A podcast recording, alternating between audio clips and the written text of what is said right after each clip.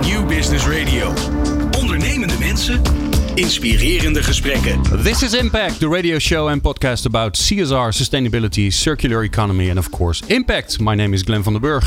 It all started in 1999 at the music festival. University friends Rich, Adam, and John sold smoothies from a small stall with a big sign that said, Should we give up our jobs to make these smoothies? Customers could cast their votes by throwing their empty cup in the yes or the no bin, and it resulted in the founding of Innocent Drinks. Now, some 20 years later, Innocent is the leading smoothie brand in Europe, and according to my 17 year old daughter, the super smoothie Invigorate is heavenly. So, if I really need to spoil her, and of course, spoil her in a good way, that's what I should buy at the supermarket. The brand name, brand name Innocent implies not only that the product is healthy, but it also implies that the supply chain, their manufacturing, and their packaging is done in an innocent way. The whole way of doing business will be, in fact, that innocent. And here to talk about how to fulfill that brand promise are Katie Leggett. She's the sustainability officer and, according to her LinkedIn, her sustainability, cheerleader. And Benjamin van der Kloet, a marketing manager for the Benelux, and both, of course, working for Innocent Drinks. More episodes of Impact can be found at impact.radio and via your favorite podcast platform. If you search for Impact Podcast and my name, Glenn van der Burg, then you will find it and you can take a subscription, of course. Thank you for listening to Impact. New Business Radio. Let's talk business. Katie Leggett and Benjamin van der Kloet of Innocent Drinks here in the studio. Well, great to have you here, both. Thanks Katie, just uh, just uh, uh, via train, of course, uh, from Paris uh, here in in Hilversum. Um, well, Benjamin, let's start with you. Um, it, the the name Innocent is a great name, of course. It's a great brand name, um, but it also implies a lot. Where did the drive to be a good company come uh, come from? Where did it originate? Great question. Um, so it's actually quite an interesting story, and, and, and I can make it much more beautiful than this. I can tell you that these guys actually had the very first intention to become a sustainable business um, from the day they started chatting about starting a business. That wasn't the case. They actually just wanted to um, build a company together and hopefully make some money out of it. And it was actually when they started looking for where to manufacture and how other businesses at the late 90s, when it all started, uh, were doing that at the time, that they found out that most businesses were not doing this in a very um, sustainable, or at that time, the word sustainability actually didn't mean that thing. So let's say the right way. Um, And and when they noticed that a lot of businesses were using concentrates rather than just actual fruits, um, that they were built in ways that didn't match their values, they thought there's an opportunity for us to do this difference. And there was a very much a couple of core values that developed over that time, how they want to do that different. And and and I guess those those values, um, which are um, being entrepreneurial, being natural, being responsible, uh, being commercial, and being generous, um, are still the driving forces behind what we do up till today. Yeah, and, and started out with, with just three guys, and now being a well a, a big company. So Got a little bit bigger, yeah. yeah, it got a little bit bigger.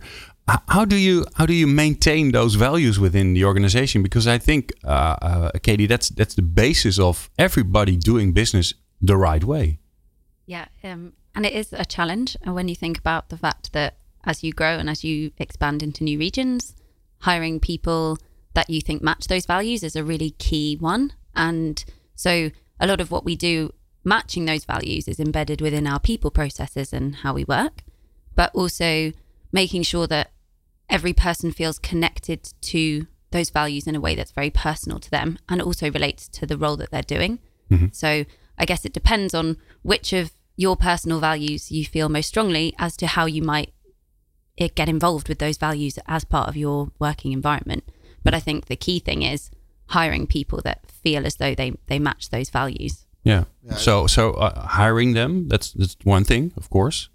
But how do you uh, maintain and and develop that, Benjamin? Yeah. Um, I think culture is such a crucial aspect uh, within a company. And I've worked also for other companies that that decided at one stage that their brand must be or have a certain personality, and they just build it as a as a kind of a shell around a company that's or a culture that's already existing and doesn't change.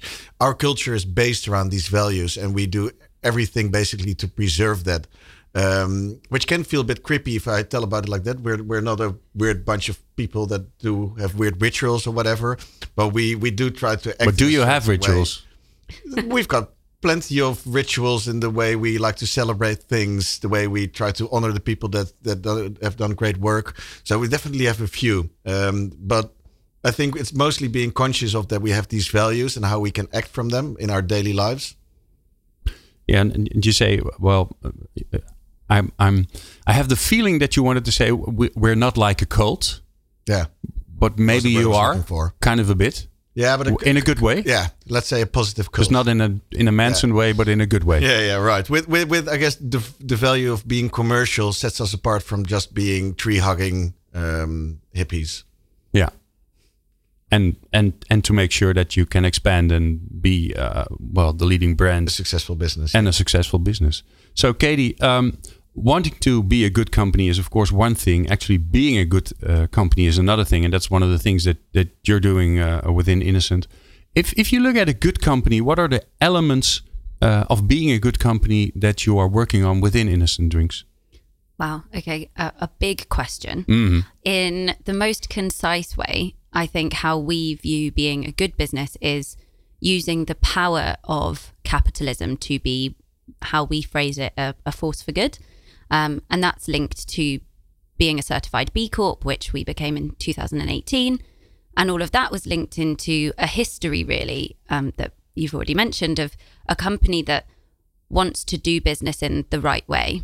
And so I guess it stems from lots of different things. It, it encompasses the work we do on sustainability for sure, uh, but it also includes that quite unique culture as an organization and some of those things that we do that maybe do seem a bit strange to outsiders. Um, that are those kind of funny little rituals, but are also a kind of key part of staying a, a small business as, and feeling as though you can talk to anyone. That's a really important thing. Mm-hmm. There's also the fact that we give 10% of our profits to charity.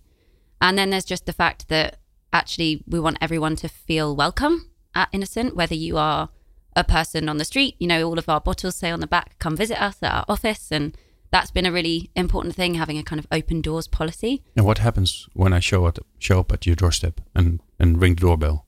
You get welcomed into the organization. You get a probably a free drink.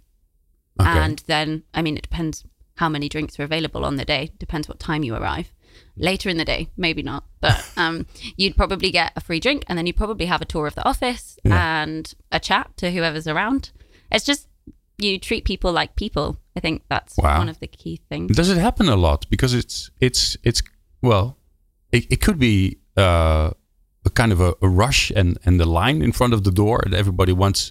I mean, the more popular you get, and that's what what you get if you have a, a brand like Innocent or or in in, in Netherlands we have uh, Tony Chocolonely or we or like Ben and Jerry, which are I think brands that have the same feel to it as as Innocent has. And it's it's nice, it's cuddly, and it's mm-hmm. It's sweet, and it's it tastes good, and you want to be with uh, a brand like that. So it could also mean that, well, the streets are packed with people that want to see where you're at and what you're doing, and of course enjoy uh, the great smoothies that you make. Yeah, and I guess it uh, depends on the office. I don't know about here in the Netherlands. They've just uh, opened a really lovely new office that I went to for the first time today, which is mm-hmm. amazing. In Fruit Towers, I'd say we have in London a, a few people visit a week. Um, so maybe one a day, say on average. Okay. In the summer holidays, we get lots of people bringing in their kids. Um, so it, it, really depends. Uh, there's not a queue as far as I've ever seen. No, maybe after today, who, who knows? so, so Ben, uh, all these these seemingly little things like you're welcome, uh, uh, come visit us. How do you make sure that it's it's not only just a thing. That it's not just uh, a shiny outside, but it's it really fits your brand, your company, and if, if people actually show up and and enter the the office, that they have the same feeling when they're inside than when you're looking outside at the brand. Yeah.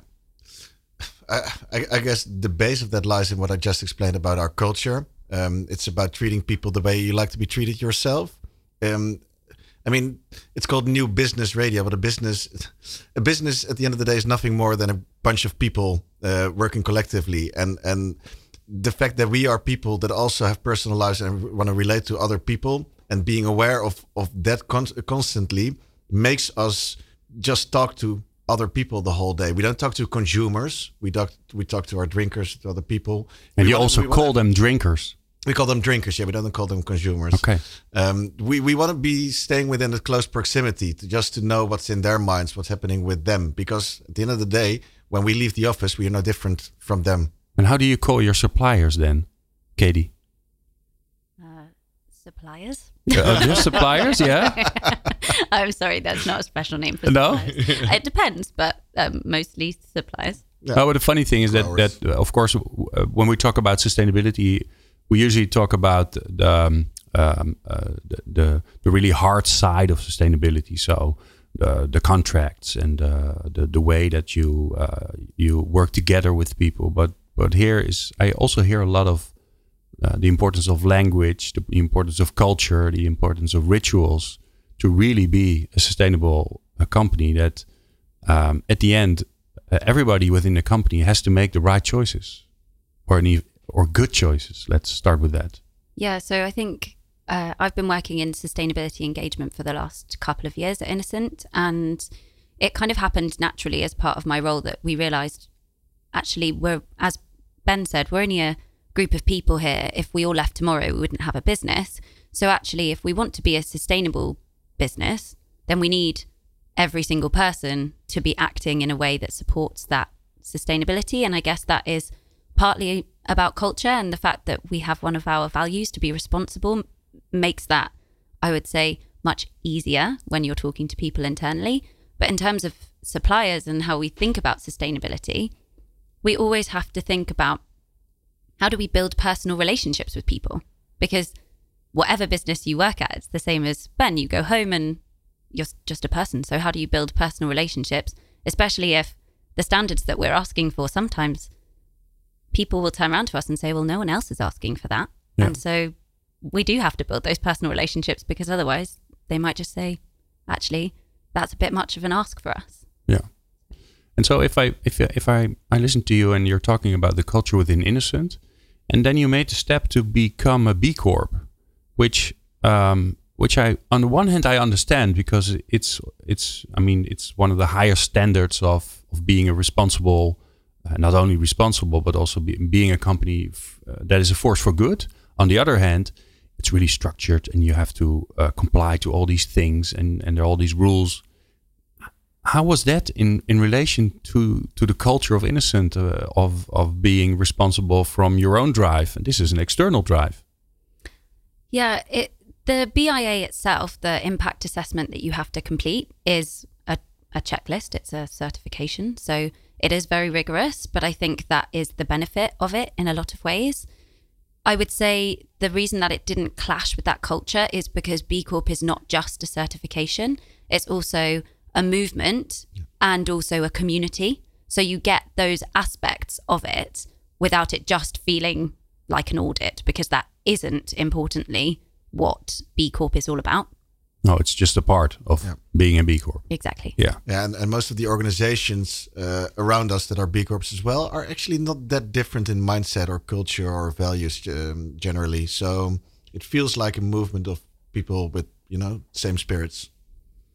well we'll talk about that later um, um, after the break um, i would really love to talk to you about the main priorities uh, that have the most impact on uh, well on your business and of course uh, the sustainability of innocent drinks so that after the break Nieuw Business Radio. Ondernemende mensen, inspirerende gesprekken. Let's talk business. Katie Leggett and Ben van der Kloet of Innocence Drinks are uh, here in the studio. Um, we're talking about their positive impact on the world, and of course, uh, uh, diminishing their their negative impact, which they probably still have somewhere in the in their supply chain or, in the use of plastic bottles. So, um, so Katie, um, um, within a company uh, like Innocent, there is so much to do. If you really want to be a hundred percent sustainable uh, uh, corporation, then uh, you have so many things that you could do.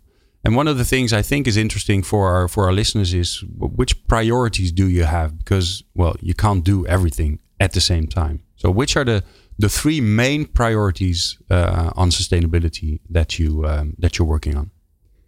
So it's a absolutely fair challenge. We have this ambition as innocent to kind of be good at everything, but you have to at some stage pick some priorities. So in sustainability, certainly we have three kind of key things that at least we talk about. Um, although there's lots of work that goes on behind the scenes that are maybe the things that we wouldn't necessarily shout about.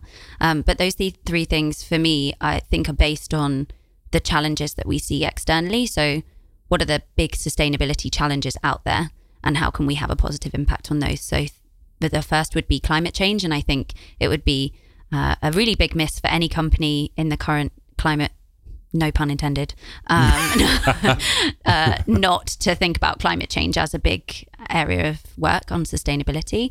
Um, the second is, as you already mentioned, uh, working on making our plastic bottles as sustainable as they can be. Mm-hmm. And then finally, on sourcing our fruit. So at the end of the day, we're a company that takes fresh ingredients and puts them in a bottle. So what we need to do is make sure those ingredients are sourced as sustainably as they can be. Yeah, well, let's start with climate change. Mm-hmm. I mean, it's uh, there are some some intelligent and also rich people talking about this right now in Davos. Um, so uh, that's also a, a, very big topic. How do you how do you um, analyze uh, the way that you have impact on climate change? So so you can so you, so you know what you can do. So where does it start? Well, that is the million dollar question. I think the easiest thing for companies like ours is to say, for, for us at Innocent, certainly, we want to look at not just our closest impact. So you can start there, say, what's the impact of our offices? What's the impact of our cars? Uh, what's the impact of our business travel? So all of that, um, and work on making sure that we are reducing carbon in that space. But then for us, we want to basically look at the, the whole scope of our emissions. So we're looking right back to farm level and analysing at different stages across the supply chain. So the packaging and the carbon footprint of your packaging, the impact of your bottling and your blending, and then also how do you actually grow ingredients? And there are various different things going on in the agriculture industry at the moment that are looking at lowering the impacts of climate change in the agriculture industry. And I suppose that's also where you see ingredient suppliers are starting to face the impacts of climate change. So it's not just about reducing their emissions, but also adaptation to the existing impacts that mm-hmm. they're seeing yeah, in yeah. climate change. Yeah. So it, on the one hand, um, uh, you also have an impact on uh, uh, have a carbon footprint. On the other hand, the farmers themselves already uh, are experiencing the, the the negative impact of climate change. Yeah. Uh, of course, because uh, mangoes and bananas they don't grow in Europe. Yeah, exactly. not yet. Uh, well, yeah, it depends on the uh, changes in temperatures, I suppose. Yeah, yeah. Um, but I think the important thing about a climate change strategy in any organization is that it touches absolutely every area, or at least it should touch every single area of your business. And so, if you're not considering it in the context of your ingredient suppliers or your packaging suppliers, then you're not really gathering the, the full impact. Yeah. Um, and so for us, we have this ambition to be carbon neutral by 2030, which is a, a, a very recent announcement that we've made. And I think it's really important for us that that is not just our offices and the things that we have direct control of, but also that whole extended supply chain. Yeah, yeah. So, and what are the big chunks that you're working on? The big chunks that you say, okay, of course, uh, offices and traveling. That's that's a bit of the a bit of your footprint, but the largest part will probably be within your supply chain, within the the, uh, uh, the factories uh, yeah. that uh, that make the the smoothies. So so what are you working on? So, well, that is also a massive question.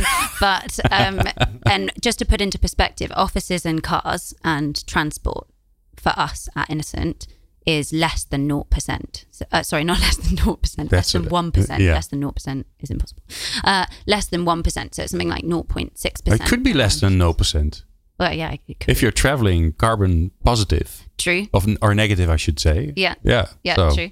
Um, so at the moment, we are carbon neutral in our offices and our company travel for events. Um, but then it's the most of your impact is looking at things outside of that. So what we've started to do is things like trialing different transport methods for our logistics network. So mm-hmm. using things like lower carbon fuels like natural gases, or actually we last year trialed the first ever fully electric chilled truck in our supply chain, which is really exciting. We think it's one of the first of its kind in a logistics network like ours. So that's really exciting. Wow. And that comes from actually also really close collaboration with your suppliers. So obviously we work with our logistics partners to do that. We're not doing that on our own in isolation. So then that comes back to what we were saying previously about always building those personal relationships because that's when you end up coming up with these really great ideas that can have a much broader positive impact. Yeah. So then alongside that is looking into lowering our carbon emissions of our packaging by incorporating recycled and plant-based plastics and then looking at sourcing and all of that. kind And, and building a brand new factory. Yeah. and building In a brand new Rotterdam. factory. Exactly. That's what I that's what I heard. Yeah. Yeah. Um, there's first a bit of a nitrogen ordeal to be uh, to be dealt with, um, but as soon as that um, that that comes through, that we can start building, um, and we're hoping to we are hoping to open uh, in about a year from now, and that should have a massive impact on um, on our complete production. Yeah, because it's also a change from from from um, having a manufacturing the, the done somewhere else Yeah, external manufacturers. Yeah, to to do it to do it yourselves in Rotterdam. yeah. So the so you also have a lot of the, you, have, you have more control over uh, that part of the uh, of the supply chain, that part of your process.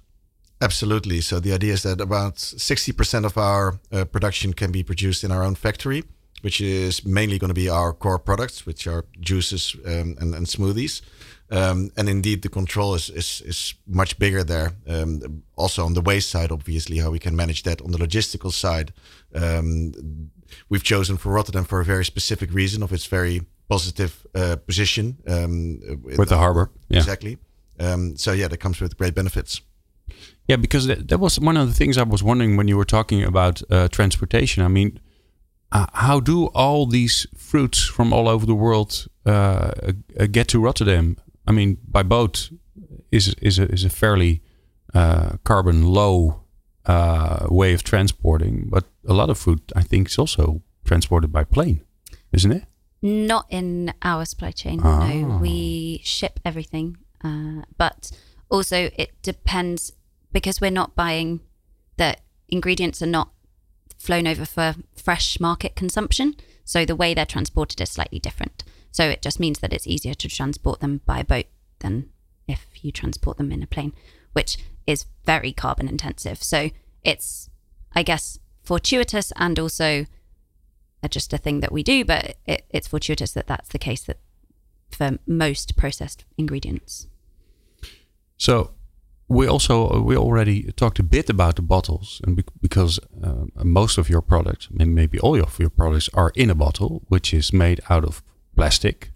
Uh, that's probably one of the the uh, the parts of of your process that also has a big impact. So I would really love to talk about it because you've made a long journey uh, with reducing the, the the plastic waste, and we're going to talk about that after this. Nieuw Business Radio.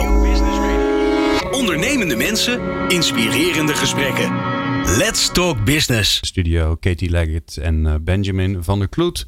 Um, so, um, your product is bottled in plastic bottles. Doesn't that hurt sometimes that you're looking at your your your beautiful brand with the very healthy ing- ingredients, the healthy product, and it's still in a plastic bottle? I mean, there's probably just no other way, but it must be also an, an uh, annoying to you as the sustainability uh, uh, uh, being responsible for sustainability within with innocent that you're like oh if we if we would have an alternative for that, that would be that would be heavenly. So, I guess the difficulty is with any material and in any system that we work in at the moment, the generally there are no bad materials. There are just broken systems. And I know that sounds a bit lofty and a bit kind of airy fairy and oh she's going off on a bit of a tangent, but if you imagine that for example we moved into glass, which is a an example that people use a lot because it's clear and mm-hmm. looks the same and whatever. That would increase the carbon impact of our packaging threefold. So we've just talked about all of the stuff that because it's heavier because you have to melt it on, on a very uh, high temperature yeah Exactly. And because of the actually the the impact of the whole life cycle of the product. So going all the way back to getting the materials out of the ground to make glass, etc. But also the fact that when you transport glass, you transport whole bottles. When you transport plastic before it's packaged, you transport it as small kind of little preforms. They look kind of like test tubes. So it's not as easy as just saying from a sustainability perspective, well, let's just switch the material or let's just switch to something different because actually what we have in plastic is something that is low carbon. It offers what our consumers want in terms of being able to see the product, which you could also get from glass, but that would be higher carb higher carbon footprint. Mm-hmm.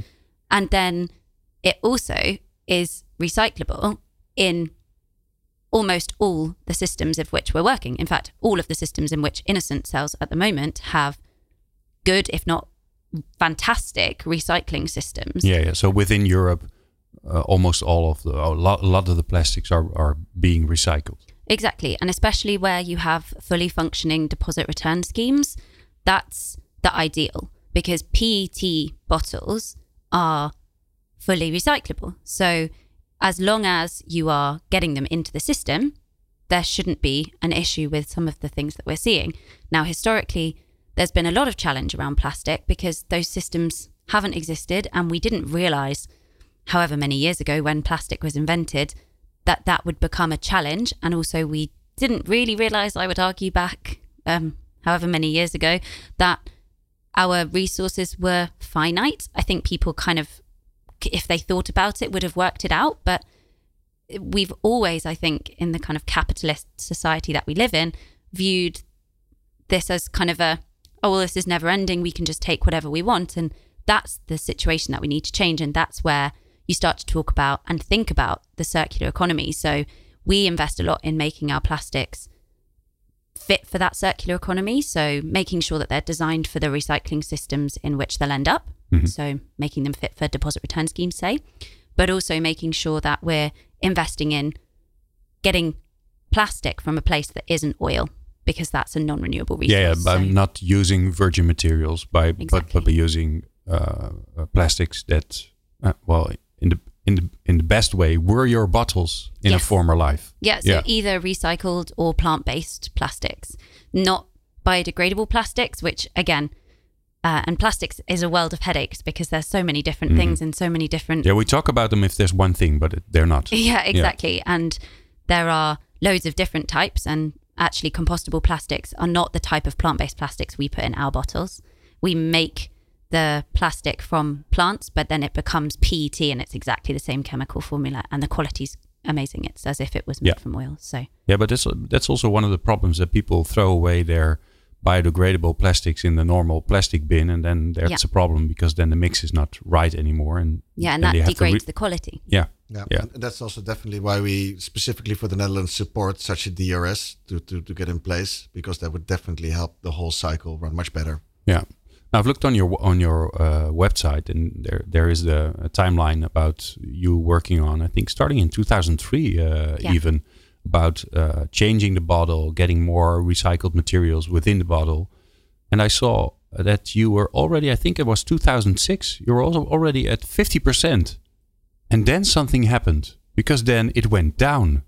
And you communicate about that. You just said, okay, something went wrong. We didn't get the quality that we wanted to have, and we had to get it down to 35%. So tell us a little bit about that. Yeah, so interestingly, what happened at that period of time is that the recycling system wasn't actually generating good enough quality recycled plastic because there wasn't the demand for it. So we were one of the pioneers of using recycled plastic in our bottles. As you say, you're right, it was back in 2003. And that was actually based on conversations that the founders at the time were having on climate change. And, you know, that feels like we should be doing something to bring some of these materials back. So, how do we do that? And why don't we try recycled plastic? Now, back at, at that time, there were issues with the quality, so it didn't look great. So, one, it didn't look nice. But two, we were actually advised because um, back in at this point in time we were just a UK business as well. So uh, we were advised by WRAP, who are a kind of recycling expert, kind of not quite governmental but quasi-governmental organisation in the UK, mm-hmm. and they advised that the maximum content at that stage that was sustainable for good quality plastic was 35%. So that's why we went back to that. But now they advise about 50% being the the minimum, uh, sorry, the maximum.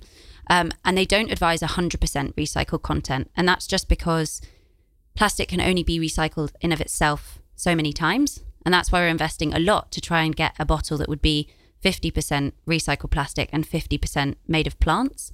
And then that would be, in theory, infinitely recyclable, which in itself would then be also 100% renewable because it wouldn't come from oil. Yeah, and that's I think uh, is is your uh, your goal for uh, 2022. Yes. Which is really near. It's two mm. years from now. Yeah, it is really near. Do you already get cold feet, getting a bit anxious? Will we make it? Well, I think we will, but it's a complex technical system, so who knows? Yeah. Uh, I hope we will. I think it's technically possible to make the kind of plastic we're talking about. So it's just um, making the steps in the right direction to to make it commercially viable and test it on the lines and in bottles and make it food safe, all of those kind of things. Yeah. Well, the third priority that we uh, we uh, that that you have the, the biggest priority is is the supply chain. Are, are your farmers? Mm-hmm. Um, I think it, it's maybe it's also the, the most difficult one because you have this many ingredients. All the all the of course there's a lot of bananas or a lot of mangoes in it, but you also have all the small smaller ingredients, the smaller quantities. So so how do you how do you go about that uh, influencing farmers that are so far away in, in India, in, in, in South America, and, and really work with them to improve the way that they are uh, farming and the way they they are uh, providing labor to uh, to the community. Yeah, and it is a challenge because, as I mentioned earlier, we buy fruit we buy fruit in its pureed or juiced form already.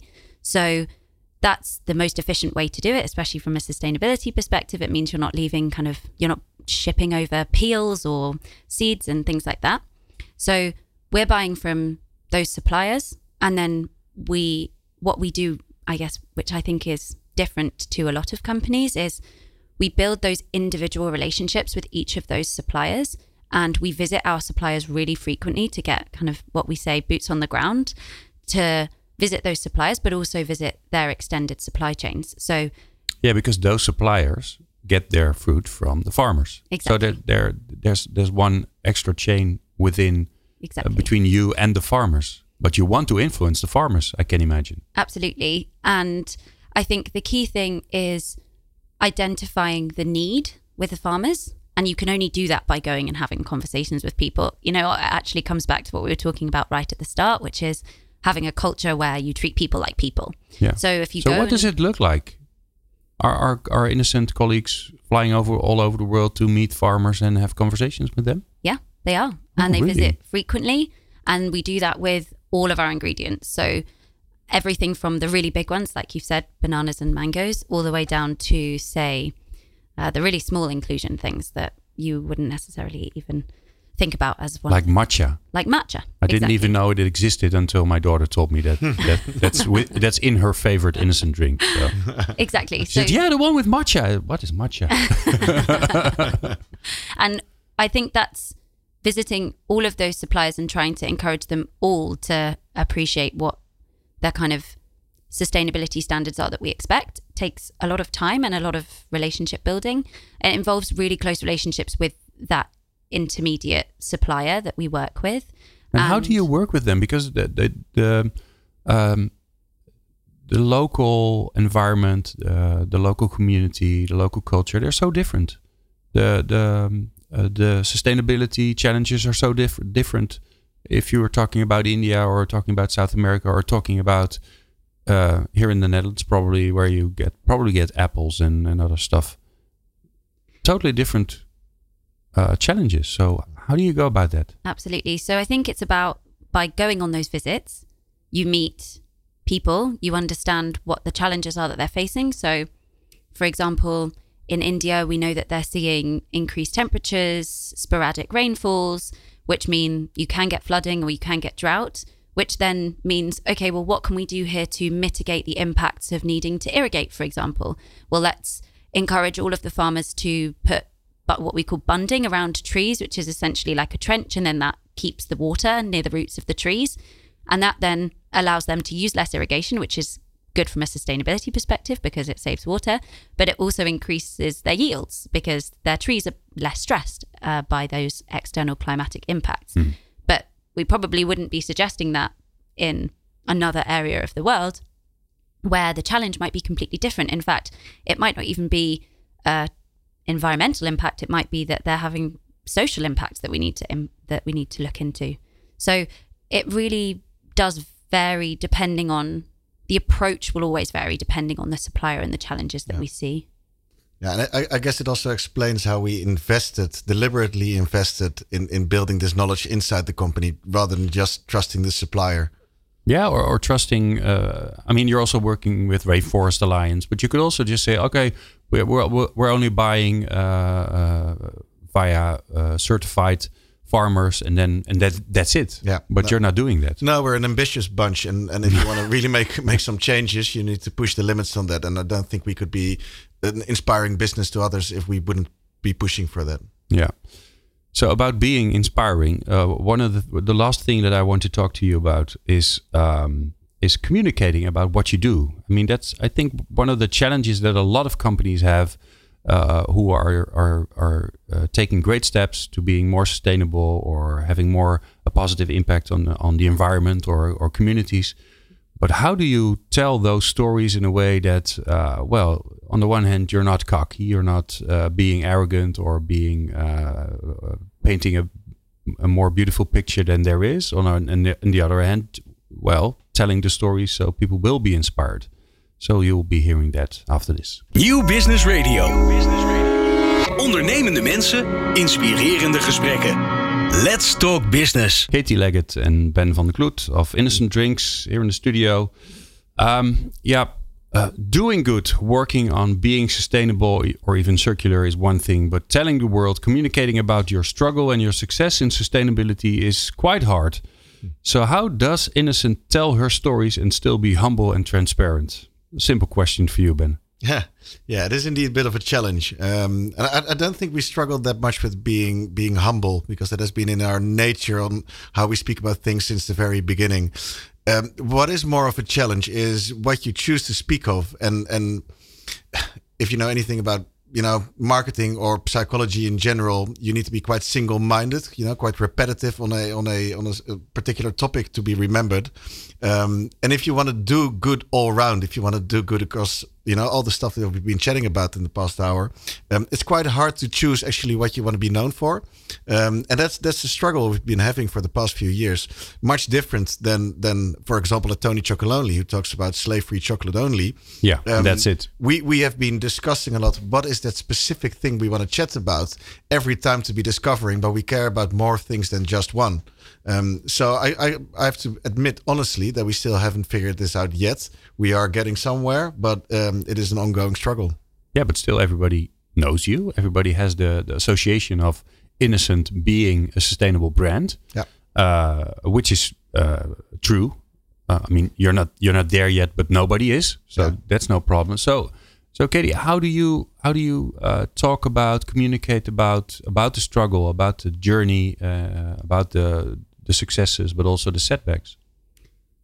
Well, I think I would I'd echo what Ben was saying about the fact that it is just a challenge to choose even the topic area that you're talking about. Never mind then saying, well, how do we say that we did something wrong or that it didn't go right or whatever that might be. I think there are a, a couple of ways in which we do that. Internally, we talk a lot about sustainability. So uh, we do regular company level updates. Um, we and then we share those kind of stories again with our retailers and the shops in which we sell. So we'll, we'll send that to our kind of commercial partners um, as say emails or newsletters or something similar. Um, uh, but in terms of how we prioritize what we talk about, that's where that I don't think I would be. It would I would be lying to say that we've really nailed exactly what yeah. area we're talking about. Mm-hmm. Yeah, because there's so much to talk about. Yeah, and I, I think it's great to hear that you, that you as an, as an outsider of the company already say people feel it, and and I think that's something that we're doing well. Then I think that's partly thanks to the fact that we try to do good by nature. It's something really that's coming from from the heart, and and and I'm I'm I'm very happy to see people are recognizing that. Um, and I think there's still you know many stories to be told on that, and um, yeah, we got a huge opportunity there. Yeah, still. Absolutely. So there's room. Yeah. Yeah. And in, Ben, in, in choosing which uh, which channels you use, uh, I mean, you, you can, I think a company like yours could be on stage every day at a conference or within companies to talk about what you do. Mm. Uh, uh, how do you choose your channels in that way to which which also fit your culture? Right. Uh, that's a very good question, and and we do notice that when we are given the time to give a more contextual um, uh, speech about it, like like this very program, um, we can we can talk in an honest way about uh, the struggles we have and how we try to be good um, on a, in a wider sense of business. Um, so we definitely are um, kind of shifting towards, towards a bit more of qualitative communication about that, rather than just doing reach in in in bit, you know, um, yeah, like communication. Yeah, like yeah, less mass communication, less being I ah, we're uh, we're innocent. Exactly. Drink us. We're very nice and, and good. And, yeah, you know, and hopefully people are inspired um, sufficiently to to start talking about the stuff we do. Um, that's obviously always the marketeer's hope. Yeah, yeah, that's what, what one of the I, I don't know I, I can't remember who said it, but one sustainability uh, colleague of uh, of yours, Katie, in the Netherlands, once said, "Well, you have to make sure you you don't have to say anything. You have to make sure that that other people are talking about the good stuff that you are doing." Yeah, yeah, but it's easily said and done. Definitely, and I I do think we already have a couple of um, things in place that that that we love to talk about. Um, apart from other being responsible as a business, all the topics that sit within that that we just talked about, there's also a couple of things we try to do out of generosity. One one famous example is the Big Knit, or as, as we say in Holland, the Goed Gewenste Brei campagne, uh, where we try to help lonely elderly with. Um, and also the Innocent Foundation. Uh, I mean, that is brilliant. Yeah, that is really brilliant. I mean, who who comes up with the idea to knit little uh, uh, hats mm-hmm. uh, to put on your on your bottles. I mean, it it yeah. looks so uh, silly but cute. Yeah, it was it was actually a one of our British colleagues back in uh, 2004 already, and his his grandma was um, an enthusiastic knitter and she knitted a hat and and um, put it on a bottle, so a little hat. Um, and, and and he said we need to do something with that. And from there it all began. And in the first year it was eight thousand hats. Ten year ten years later it was a million hats being knitted for that cause. Um, and it's it's I guess our most famous campaign I can say, and we're doing it with lots of joy every year again. So tell us a bit more because that's then the last story uh, before we uh, before we uh, close the show. So uh, it started with one grandmother. Now it's thousands of knitted hats. Who knits those hats? It's it's people all around. It's uh, in all age groups actually, and and and genders, and um, basically every year there where we can find knitters, we ask them to join our mission, um, and they love to do it. It takes them uh, for a proper knitter about twenty minutes time to knit one hat. Um, last year we got about one hundred and sixty thousand hats in in the Netherlands. Um, and every with every head we donate 25 cents to the National Ouderenfonds, um, who helps um, lonely elderly. Um, and and I guess it's that cause that you know gets people picking up their needles and collaborate on this cause. Yeah, so so it's it's it's in two ways helping the community to get together. One supporting elderly people via a, a, a foundation, but on the other hand, uh, getting together and knitting these crazy little hats. Exactly. yeah, that's the beauty. Yeah, wow. My conclusion of today um, is it really helps if you have the right culture. It really helps if you support people uh, within the company to come up with ideas and just do it. Like, for example, the knitted hats. Um, I really uh, enjoyed your your openness about um, doing good stuff, but also not really being there yet. Still having to go uh, some miles, um, and um, and also talking about the, the stuff that well that doesn't work because I mean that's life. And one of my conclusions is an hour for innocent drinks is much too short. Mm-hmm. There's so much more to tell. So uh, I hope uh, to see you um, in another episode of Impact. Thank you, Katie Leggett Absolutely. and Ben van der Kloet of Innocent Drinks. Um, if you want to listen to Impact some more uh, in Dutch, I'm sorry about that, but most shows are in Dutch. So this might be an innovation for us to do more English shows. Um, more episodes uh, you can find on impact.radio and, of course, on your favorite podcast platform. Thank you for listening. Let's talk business op New Business Radio.